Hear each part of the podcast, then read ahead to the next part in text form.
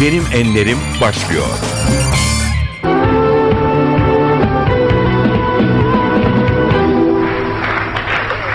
Şimdi birlikte bir oyun oynayalım. Aa, üç kişi seçeceğiz. Şimdi o ikizler ve bu Daltonlar bir kişi sayılıyorlar. Onları da seçebiliriz. Ama biz yine de üç yarışmacı seçmek durumundayız. İlk hak senin. Bir yarışmacı seç al gel buraya bakalım. Nazif Kara'yı cezalandırmak hakkında neden tereddüt ediyorsun? Ya yanlış kişinin peşindeysen baba? Demin kendin söyledin suçüstü yakalanmış. Sana bunun aksini düşündürecek bir kanıtın, delilin var mı? NTV Radyo'nun Benim Enlerim programına hoş geldiniz. Bugün de çok değerli bir konukla birlikteyiz. Tiyatro sanatçısı, seslendirme ustası, sunucu Erhan Yazıcıoğlu. Efendim hoş geldiniz. Hoş bulduk. Çok özlediğimiz bir ses aynı zamanda. Sizi konuk ettiğimiz için de ayrıca çok mutluyuz. Teşekkür ederim. Ee, bu ses galiba unutulmadı yıllar öncesinden. Çünkü son e, aylarda ortaya çıkınca Evet. e, insanlar o sesi hatırladı. Unutulacak bir Ee, ses değil ama. Ama bir ara unutuldu açıkçası ya da zarar gördü. Hastalıktan ötürü büyük evet. zarar gördü. E, o sesi de ben de biraz e, imtina ettim, kullanmadım, Hmm. kullanamadım. Yani benim kulağıma hoş gelmeyen bir sesti. Hadi tiyatroda idare ediyordu ama e, sanıyorum mikrofonlarda çok fazla idare etmeyebilirdi. O yüzden birazcık uzak durdum. Seç bakalımdan sonra bir süre sizi göremedik. Nerelerdeydiniz bilmiyorduk. Sonra bir öğrendik ki çok önemli bir hastalık atlatmışsınız. Geçmiş olsun. Sağ olun geçti gitti. Neydi? E, tiroid kanseriydi. Çift taraflı tiroidlerim alındı. Onlar alınırken aşırı temizlik yapılınca ses telimin birini de katletmek durumunda kaldılar. Belki istemeyerek oldu. Tabii ki istemeyektir. Ama e, benim hayatımı kaydırdı. Yani günde 20 saat konuşan bir adam, sesiyle ekmeğini kazanan bir adam. E, yani tiyatroda rol arkadaşlarının bile el hareketiyle aman Erhan biraz aşağıdan al, çok basıyorsun bize e, denilen ses bir anda e, boğuk bir sese dönüştü. Kendini ifade edemez hale geldi. E, bu aylar sürdü. E, sonra tiyatro yapabilir hale geldim. E, dünyadaki birçok doktorun iddiasının aksine işini yapamazsın dediler çünkü bana.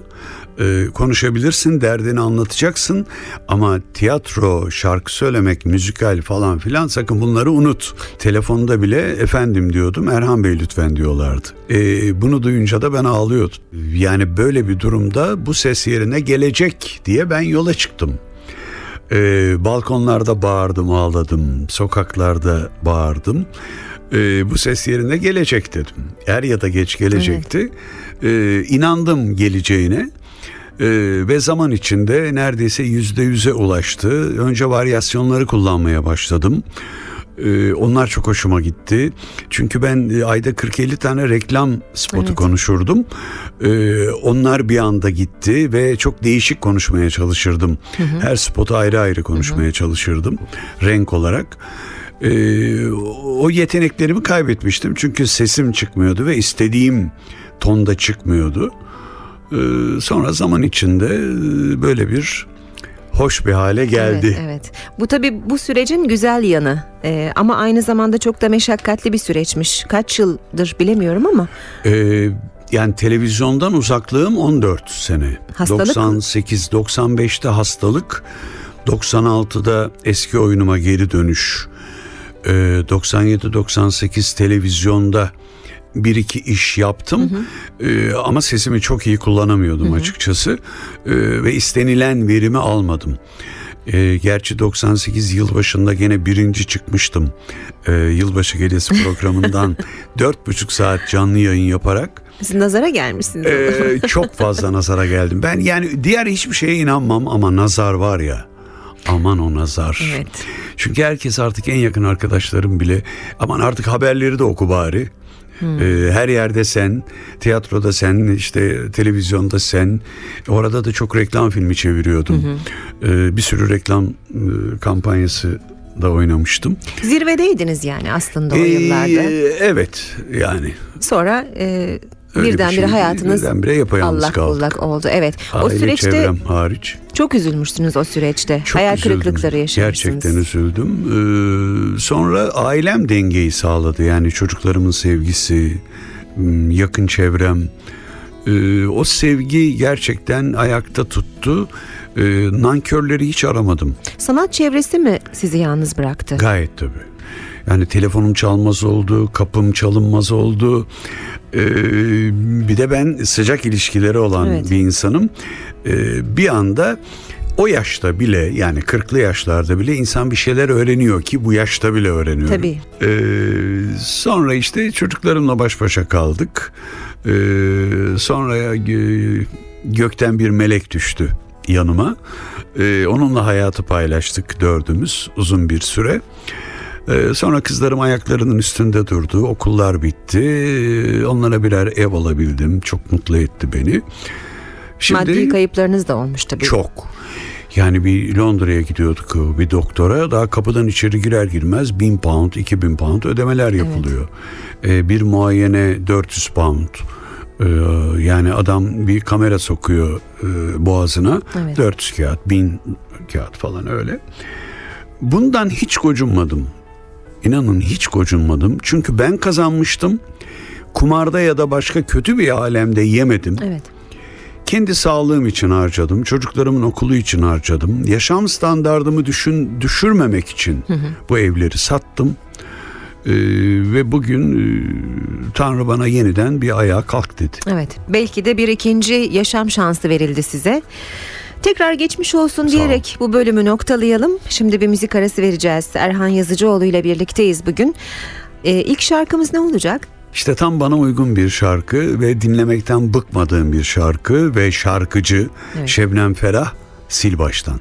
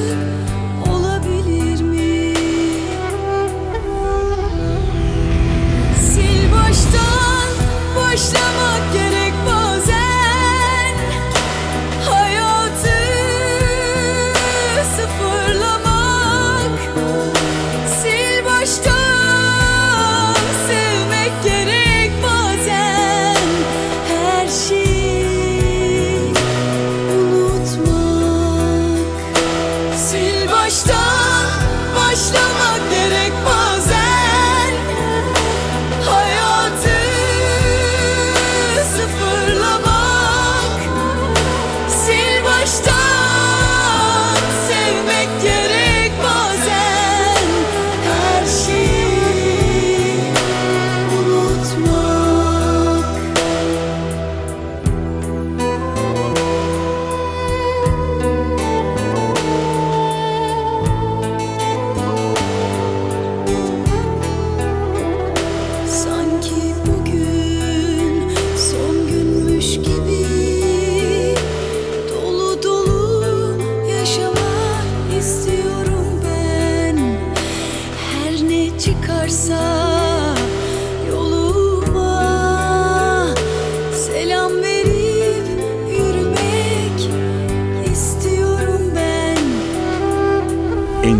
Radyo.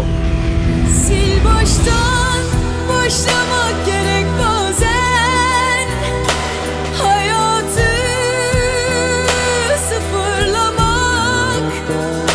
Sil baştan.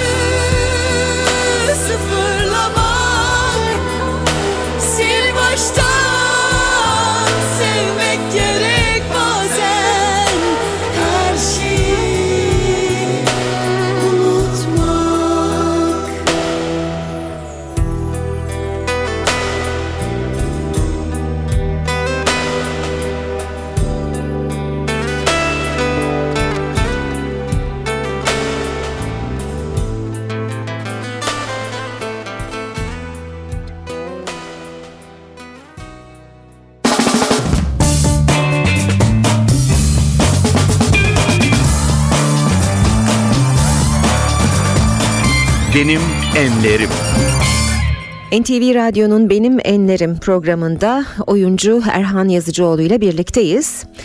Erhan Bey sesinizle para kazanırken e, bu sermayeyi kaybetme noktasına gelip sonra oradan bir geri dönüş yaşıyorsunuz. Yaptığınız bir röportajda dublaj odaları beni hasta etti demişsiniz. Evet. Çok mu zor süreçlerdi onlar? Nasıl Ee, odalardı onlar? Tabii yani e, şimdi siz burada çok güzel, çok modern, havadar, teknik imkanları çok yüksek yerlerde çalışıyorsunuz ve çok da şanslısınız. Biz tek mikrofonun başında koskoca bir filmin tüm kadrosu itiş kakış bir biçimde ve içerisi sigara dumanlarıyla dolu. Çünkü ben çok genç yönetmenliğe başlamıştım E, ve babalar, ustalar, Evet. onlara söz geçirmek mümkün E, tabii. değildi. Yani Saadettin Erbil ile, Agah Hünü ile e, böyle muhteşem insanlarla çalıştım. Onlar sürekli sigara içerlerdi ne yazık ki. Ben hiç içmedim. Yani e, babacım da askere giderken iki şey rica etti benden. Sigara içme, kumara alışma. O yüzden e, bunlara hep e, nefretle bakarım. Ama onlara söz geçiremiyordum ve ben 30 yıl onlardan çok daha fazla. Onlar 10 kişi ise o stüdyoda düşünün onların içtiği onar sigarayı çarpın. Onu da 10'la çarpın. Evet, evet. Saat olarak da 15 ile çarpın. Yani benim ne kadar çok sigara içtiğim İçtiğinizi anlayabiliyoruz. ve sigara yüzünden bütün bunların başıma geldiği e, herkese duyurulur. Şimdi nasıl hissediyorsunuz kendinizi? Şimdi son bir buçuk iki senedir çok iyi hissediyorum. Çünkü bir de e, kilo verdim. Evet. Bütün fazla kilolarımdan arındım. Bir de ailemden e, bana miras kalan şeker hastalığından kurtuldum. Aa ne kadar güzel. Evet ve benden sonra da birçok kişiye bu konuda yardım ettim. Bir 400 kişi kadar son bir buçuk sene içinde ben 80.ydim. E, 15 yıldır bu Japonya'da yapılan bir ameliyatmış. E, ben balıklama da aldım bu ameliyata. Zorla, torpille, yalvar yakar. Nasıl bir ameliyat? E, bypass yapıyor. Bağırsağa bypass yapıyor. Pankreasla ilgili bir e, o sorunu e, insülin üretimini üretimine engel olan e, bir sistemi çalıştırıyor.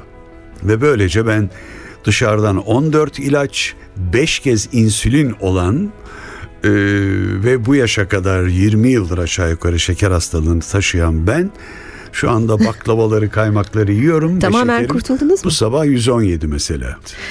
Şimdilerde biz sizi Karadayı dizisinde görüyoruz. Önemli de bir rolünüz var. Bu projeye nasıl dahil olmuştunuz? Ee, bu projeye aslında ben bir komedi dizisi diye yaklaşmıştım. Beklentim de oydu.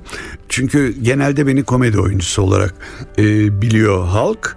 Ee, hani şovlar işte seç bakalımdaki tiplemelerim ondan sonra Ramazan ayı tiplemelerinde Evet. falan e, böyle bir meddah e, showman havası yaratmıştım.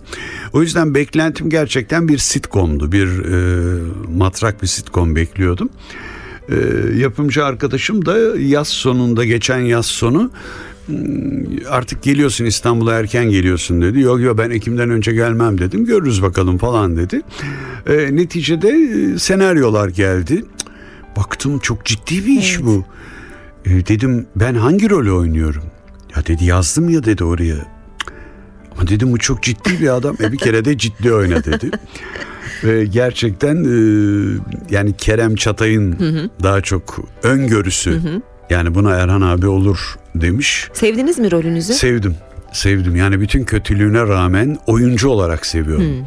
Yani oyuncu olarak onu taşımayı, o vurguları sunmayı seviyorum. evet. Ve de inandırıcı olduğunu düşünüyorum ki sokaktan gördüğüm tepki de hep o. Nasıl oluyor tepkiler? Valla arabaya biniyorsun sayın bakanım buyurun. İşte bir restorana gidiyorsun sayın bakanım buyurun. Bu ilgiyi özlemiş miydiniz Erhan Bey? Yani bu ilginin tabii onda birini hala görüyordum. Yer yer tanıyanlar oluyordu. Ee, Hoşuma gidiyordu ama bu tabii çok daha hoş bir şey. Ee, kitabımın işine yaradığı için de Evet. o anlamda da çok Evet. E, denk geldi. E, Adı geçmişken söyleyelim. Bahsi geçmişken Kenar Mahalle Delikanlısı. Yeni sayılan bir kitap. Yeni O- evet e, Ocak baskısı yapıldı. ortasında çıkardık. Güzel bir kitap. Elinize sağlık. E, nasıl ilgi? E, Valla ilgi herhalde tanınmışlığın da verdiği torpille fena değil. E, ama ben e, isterim ki bu kitap ya da benim hayatım ben tanınmadan merak edilsin. E, çünkü içinde hani böyle slogan var, mesaj var falan değil.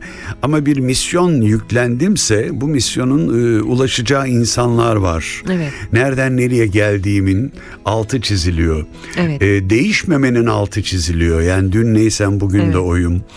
İnsana verilen değerin altı çiziliyor. İnsan ayrımı yapmamanın altı çiziliyor. Ee, ve özellikle genç e, takımın e, sanıyorum okuması gerekir Evet. diye düşünüyorum. Ki hep olgunlar alıyor onları görüyorum. Çünkü kitap fuarlarına gidiyorum. Orada kitap imzalıyorum falan. Daha çok e, olgunlar yaklaşım gösteriyor. Dizinin de etkisi olduğunu söylediniz galiba satışa. E tabii değil mi? yani mutlaka İster oluyor. istemez. Yani e, yalnız Türkiye'de değil dünyada da bu Doğru. böyle. Doğru. E, o yüzden kapı kapı dolaştım bütün televizyonları. Ee, samimi itiraflar var bu kitapta. Birazdan ona değinelim isterseniz. Dizi setlerindeki çalışma koşulları tabii konu dizilerden açılmışken bu konuya siz de bir anlamda taraf oldunuz. Geçen Tabii. günlerde bir polemiğe çekildiniz ya da girdiniz. Hakikaten e, zorlayıcı koşullar mı ve hazır hani sağlığınıza yeni kavuşmuşken zorlanıyor musunuz? Şimdi ben zorlanmıyorum kendi adıma. Ben çalışıyorsam büyük zevk alırım. Beklemek beni yorar, gerer. E bu beklemede ister istemez bir süre oluyor. Sonra her şey düzene giriyor. Eğer polemik e, dizilerin uzunluğuysa atlanılan bir şey var. Ee, önemsenmesi gereken bir şey. Bu süreler e, reklam piyasasının öngördüğü sürelerdir. Ve bir dizi eğer bu kadar büyük paraları ödeyecekse oyuncularına ve diğer takımına 40 dakikada bitiremezsin. Tek reklam kuşağıyla bitiremezsin. Tek reklam kuşağıyla bitirirsen bugün BBC'deki saniye fiyatlarına gelmen lazım. E o da bizim şartlarımıza uygun değil, Türkiye şartlarına uygun değil. O yüzden bu reklam kuşaklarının ister istemez 5, 6, 7 olması gerekiyor. E bu da diziyi uzatıyor. Uzatıyor. İster istemez bir. İkincisi halk uzun dizilerden hiç şikayet etmiyor. Biz çalışma koşullarından şikayet ediyoruz. Eğer e, diziciler, yapımcılar, programı yapanlar daha ciddi ve daha sıkı bir programlama yaparlarsa oyuncuların, teknik ekibin bu şikayeti de ortadan kalkacak. Biraz large davranıyoruz, Evet. biraz rahat davranıyoruz. Biraz daha zamanı tasarruflu kullanırsak bu şikayet ortadan kalkar diye düşünüyorum. Peki yine bir müzik arası verelim. Erhan Yazıcıoğlu Verelim. ile birlikteyiz. İkinci şarkımız ne olacak? Araya bir Tony Bennett, Amy Winehouse koyalım.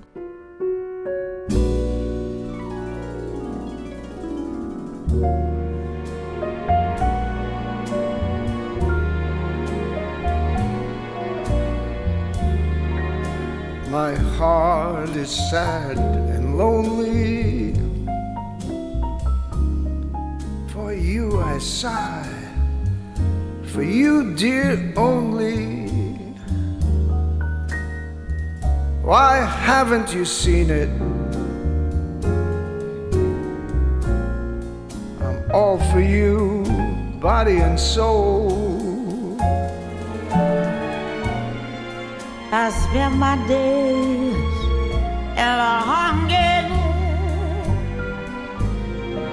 and wondering why it's you're wronging. I tell you, I mean it. I'm all for you, body and soul. I can't believe it. It's hard to conceive it that you turn away romance. Oh.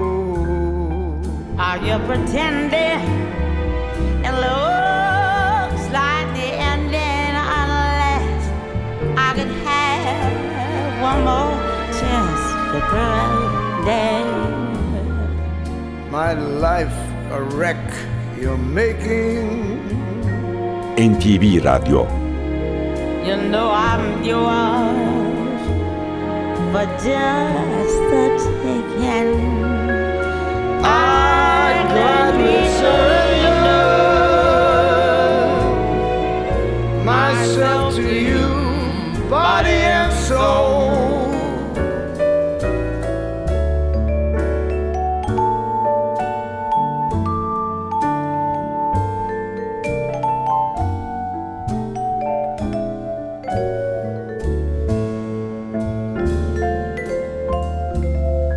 Are you pretending?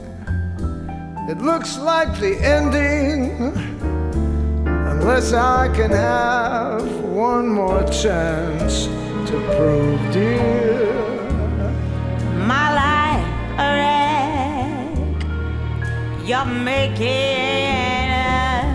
You know I'm yours for just the taking glad.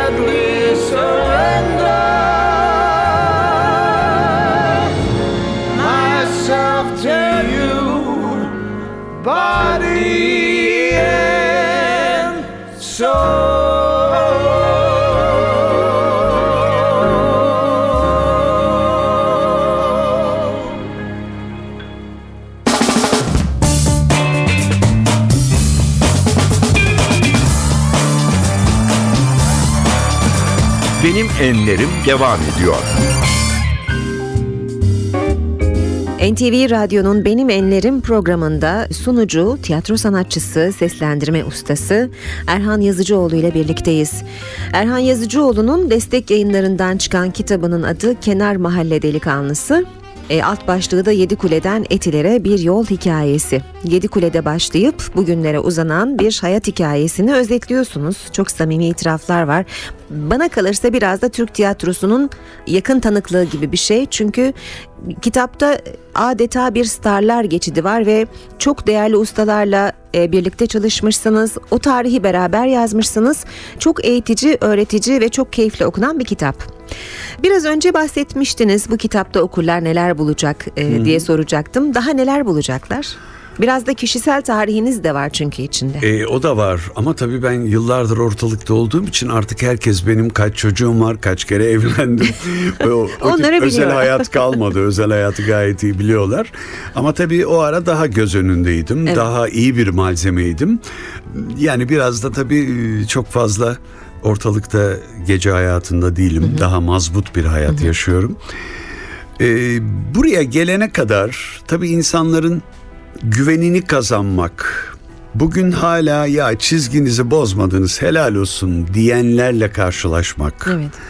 Ee, her şeye rağmen yani bu bekarlık dönemlerim, deli dolu dönemlerim dahil e, gerçekten ben toplumun yargılarına çok değer veririm. Gençliğimde de buna çok dikkat etmişimdir. En böyle in olduğum dönemlerde, en yükseklerde olduğum yerlerde ve asla tiyatroyu inkar etmemekle de övünürüm. Çünkü ben her şeyimi tiyatrodan sağladım. Bugünkü rahatım, yani gönül zenginliğim her şey tiyatro. Babanıza rağmen galiba tiyatroya Evet babama rağmen Ee, çok karşı koydu. Önce ben Metin Oktay'ın küçüklüğü için e, o Taçsız Kral filmi için istedi beni bir yapımcı. Babam asla dedi. Asla o piyasaya sokmam dedi. Ki o zamanlar ben 9 yaşında falandım. Ee, sonra abim beni 14 yaşında e, Otello'ya götürdü. Otello'yu seyrederken e, ben bunlardan iyi oynarım dedim. Abim baktı şöyle. Gene atıyorsun dedi. O dedi biri Agahün, biri Fuat İşan, biri Tijenpar, biri Erdoğan Gemicioğlu. At oğlum sen at dedi. Göreceksin dedim ben bu tiyatroya gireceğim bu sahneye çıkacağım dedi. Ha ha tabii tabii dedi. Sonra tabii bunu babama açtığımda yine aynı tepki Karadenizli tepkisi. Sonra edebiyat hocamın e, çok büyük katkısı oldu. Kafana koyduğunu yap dedi. İlk yani e, eğitmenliğimi o yaptı Haşim Bey hiç unutmam. Yeteneğiniz vardı o halde. Yani E, kendinize vardı, güvendiğinizde herhalde bile. çünkü İlyada Odessa destanlarını okurdum ben edebiyat dersinde hep bana okuturlardı ve çeşitli ses taklitleri ses değiştirmeleri yapardım ve milletin çok hoşuna giderdi işte hoca da "Ya sende yetenek var dedi o ne hocam ya dedim falan böyle sonra gizlice konservatuvar sınavlarına girdim ve kazanamadım ama figüran olarak şehir tiyatrosuna girdim ama ne yazık ki okulu bıraktım.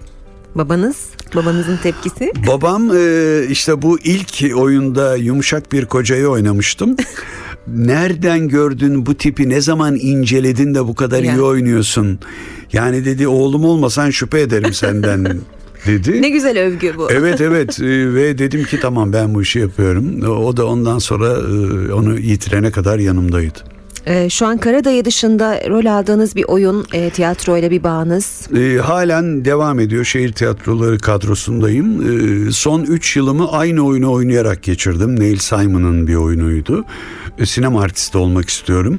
Orada da bir baba kız hikayesi vardı. Karadayı'yla da örtüşüyor. Aa, ama benim hayatımla hiç örtüşmüyor her iki hikaye. Kendi hayatımda baba kız ilişkileri muhteşem.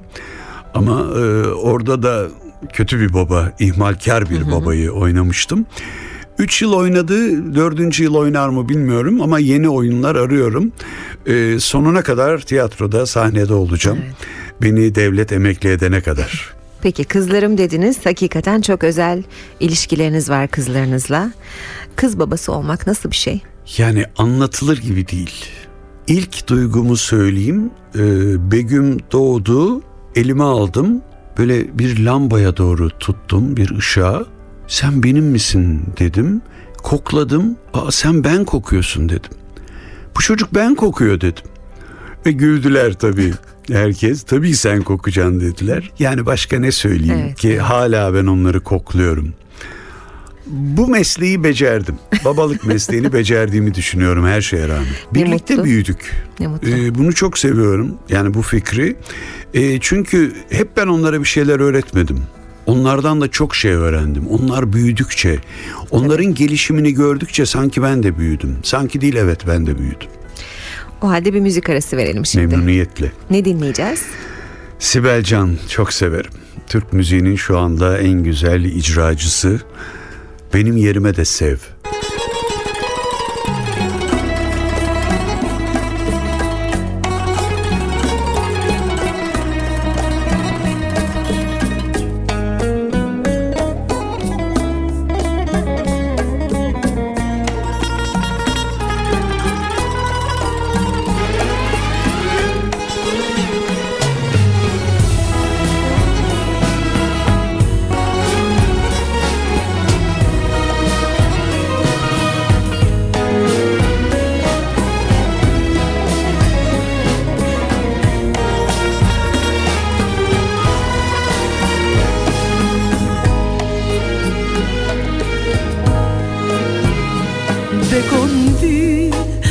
Boy vermiştir şimdi. Yasemen basmıştır bodrumu. Kokusu geldi rüzgarın. Bir kelebek öptü boynumu. Sen şimdi gerdanını maviye Göğsünü bir yelkenliye Gönlünü ilk önüne Çıkan yaz seferine Bağlamışsındır. Ah vurunca dibine Sakız rakısının Biraz da ağlamışsındır. Benim yerime de sev Bekletme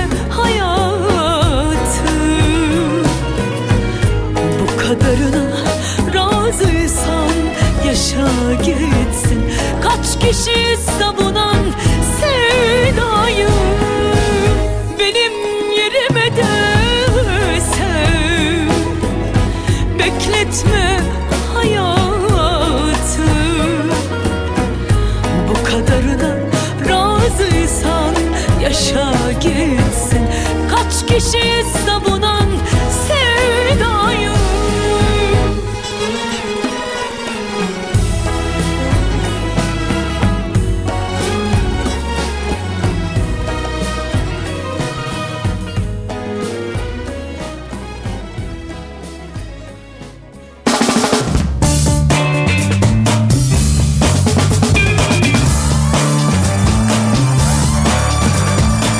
Benim enlerim. NTV Radyo'nun Benim Enlerim programında konuğumuz tiyatro sanatçısı, sunucu ve seslendirme ustası Erhan Yazıcıoğlu. Erhan Bey bir dönem Türk sinemasının aktörlerine siz sesinizle hayat vermiştiniz. Artık tabii çoğu aktör kendi sesiyle oynuyor. Ne mutlu. Başarılı da pek çoğu. Evet. Siz e, bu konuda bir usta olarak kimleri beğeniyorsunuz? Hem oyuncu hem de ses olarak. Ee, bir kere gençlerin kendini konuşmasının yanındayım. En son desteklediğim kişi e, Emrah'tı, küçük Emrah. Bir başka tiyatrocu arkadaş onu yıllarca konuşuyordu. Sonunda artık büyümüştü e, ve Türkçeyi de düzeltmeye başlamıştı. E, Dedim oğlum artık kendin konuş. Becerebilir miyim dedi. Ben sana yardım ederim demiştim. Siz mi cesaretlendirdiniz Evet. onu? Ve sonunda başladı Emrah kendini konuşmaya. Şimdi onu bir kenara bırakırsak. Şimdi e, oyunculuk dendiği zaman sadece görüntü, ağzını açıp kapayan insan idi. Eğer dublaj olmasaydı, seslendirme ustalarının ustalığıyla katkıda bulunulmasaydı, bugün birçok eski yerli filmi seyredemezdiniz bile. Gelelim bugünlere ki ben bu işten büyük para kazanan bir insan olarak hep bunu savundum. İnsanlar kendini konuşmalı. Aktör sesi ve içsel duygusunu birleştirmeli tonlarıyla, vurgularıyla. Hep bunu savundum ve nihayet o hale geldik ki artık dizilerin çoğu sesli çekiliyor. Evet. Ve bu bir hodri meydandır. Yani sesini, Türkçesini, lafını anlatabilen herkes oyunculuğunu konuşturabilir. Önce zorluk çekebilir ama gitgide bugün birçok gencin sesini duyuyorsunuz. O ürkeklik bitti. Evet. Kenan'ıyla, Kıvanç'ıyla, Tolgahan'ıyla yani bütün bunlar böyle bir aşama yaşadılar. Çünkü bu işi ciddiye aldılar. Meslek olduğuna inandılar. Evet. Ve hocalar tuttular. Türkçeleriyle, ifadeleriyle ilgili işte ustalardan ders aldılar, oyunculuk dersleri aldılar. Duygu alışverişi yaptılar. Ve bütün bunların yararını görecekler ve geri dönüşü yok. O yüzden oyunculuk önce kendi dilini ve kendini doğru anlatabilmektir. İşte ödül aldım diye övünenler, senin sesin değil, hangi ödülle övünüyorsun? Senin duyguların değil. Yani bir yönetmen geliyor, "Ee, abi diyor gözünü seveyim kurtar bizi ya diyor. Kurtar adam diyor bomboş baktı diyor. Yani bunları e, söylesem kimler olduğunu kıyamet kopar ama ben Muhakkak. polemikten kaçtığım Muhakkak. için e, böyle bir niyetim yok ama bunları yaşadım ve bir kere de değil yani binlerce kez yaşadım 46 yılın içinde. Evet. Seç bakalım bir dönemin çok izlenen yarışma programıydı. E, Hatta galiba neredeyse her akşam evimize konuk oluyordunuz değil beş mi? geceydi. Evet. O günlerden aklınızda en çok ne kaldı? Özlediniz mi? Ee, o günlerden önceleri e, Kanal 6 zamanıydı. Ee, yani 16-17 reyting alıyordum. Bir kere o kaldı. Ee, Mehmet Ali Güner ikilisi, Çiğdem Tunç evet. üçlüsü ve benle dörtlü. Ee, çok hoş bir birliktelik ve birincilik vardı. Onun dışında benim ilk sunuculuk deneyimimdi. Orada mesela sesimi kullanmayı daha iyi öğrenmeye başladım. O reklamların bana büyük katkısını gördüm. İnsan iletiş, iletişimi mesela canlı yayında hiç hata yapmayan tek sunucu benim galiba. Ee, o zaman televizyon kapatma falan vardı. Evet, evet, büyük cezalar vardı. Ben hiç hiç o Bir cezalara gafınız olmadı. bir- hiç olmadı. hiç Sorumluluğunuz belden olmadı. aşağı espri yapmadım. Ee, ama insanları yine de güldürüyordum Evet. galiba. Onun dışında Jerry Halliwell aklımda kalan e, Evet. en büyük isim. Ee, Siz mi meşhur ettiniz onu? Hayır böyle bir şey yok ne münasebet ne, ne mümkün. Türkiye'de zaten ne kadar meşhur olabilir ki bir insan. Ee, ama bir 11 ay onlar kapanmışlar ee, bir esaret hayatı yaşayıp Evet. her türlü eğitimi alıp ortaya çıktılar. Bu da muhteşem bir örnek dünyadaki insan başarısı Evet. adına. İkinci hayat dedik, ikinci bahar dedik, yeniden hayata dönmek dedik. Eminim bu dönemde hayatın anlamı üzerine çok düşünmüşsünüzdür. Bir cevap buldunuz mu? Birçok cevap buldum tabii ki. Şan, şöhret, para hepsi bir yana. Önce sağlık. Evet. önce dünyayı hala buğulu gözlerle görmemek, net görmek ve ağzından çıkanı kulağının duyması. İnsan ilişkileri açısından bu çok önemli. Ve öfke kontrolü. Zaman zaman beceremiyorum. Ama olgunlaştıkça işte becermeye çalışılıyor. Yani insan yapısında bir hata var ama nerede bilmiyorum. Kendinizi ödüllendirdiniz mi? Bu sürecin sonunda. Ben her gün ödül alıyorum. Yani sağlıklı yaşıyorum, metroya biniyorum, otobüse biniyorum. Her gün ödüllendiriliyorum. Merdiven çıkıyorum, koşuyorum. Tad alıyorum. Çok sevdiğim bir işi yapıp üstüne para kazanıyorum. Ya bütün Daha ne olsun hepsi diye. ödül. Çok seviliyorum. Kızlarım, eşim. Evet.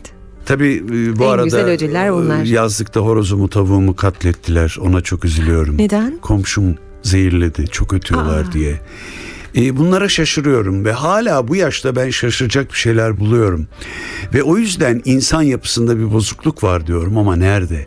Peki Erhan Yazıcıoğlu çok teşekkür ediyoruz konuğumuz olduğunuz için. Ben teşekkür ederim. Son şarkının anonsunu da siz yapar mısınız lütfen? Aşığınım. Fedon söylüyor. Bütün güzelliklerin aşığıyım. Erhan Yazıcıoğlu bugün konuğumuzdu. Yeni bir programda buluşmak üzere. Hoşçakalın.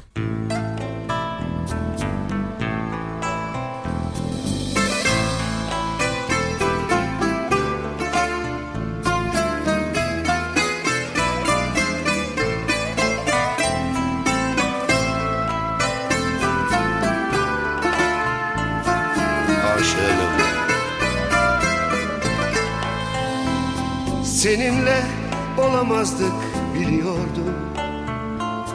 Bile bile yine seni seviyordum. Yollarımız bir değildi seziyordum.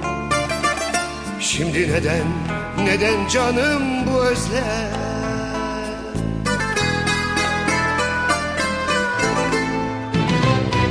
Aşığının yanında olamazsam da Aşığınım sana dokunamasam da Geri dönüş olmasa da Aşığınım yanında olamasam da Aşığınım sana dokunamasam da Sonsuza dek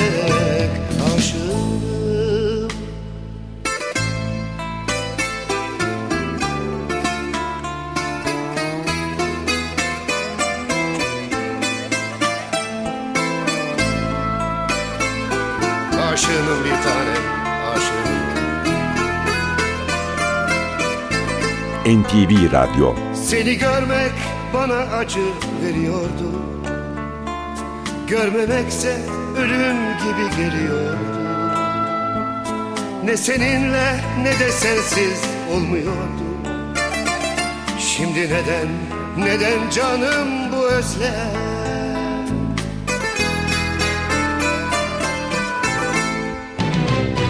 Aşığım yanında olamasam da Aşığım sana dokunamasam da Geri dönüş olmasa da. Aşığım yanında olamasam da Aşığım sana dokunamasam da Sonsuza dek Aşığım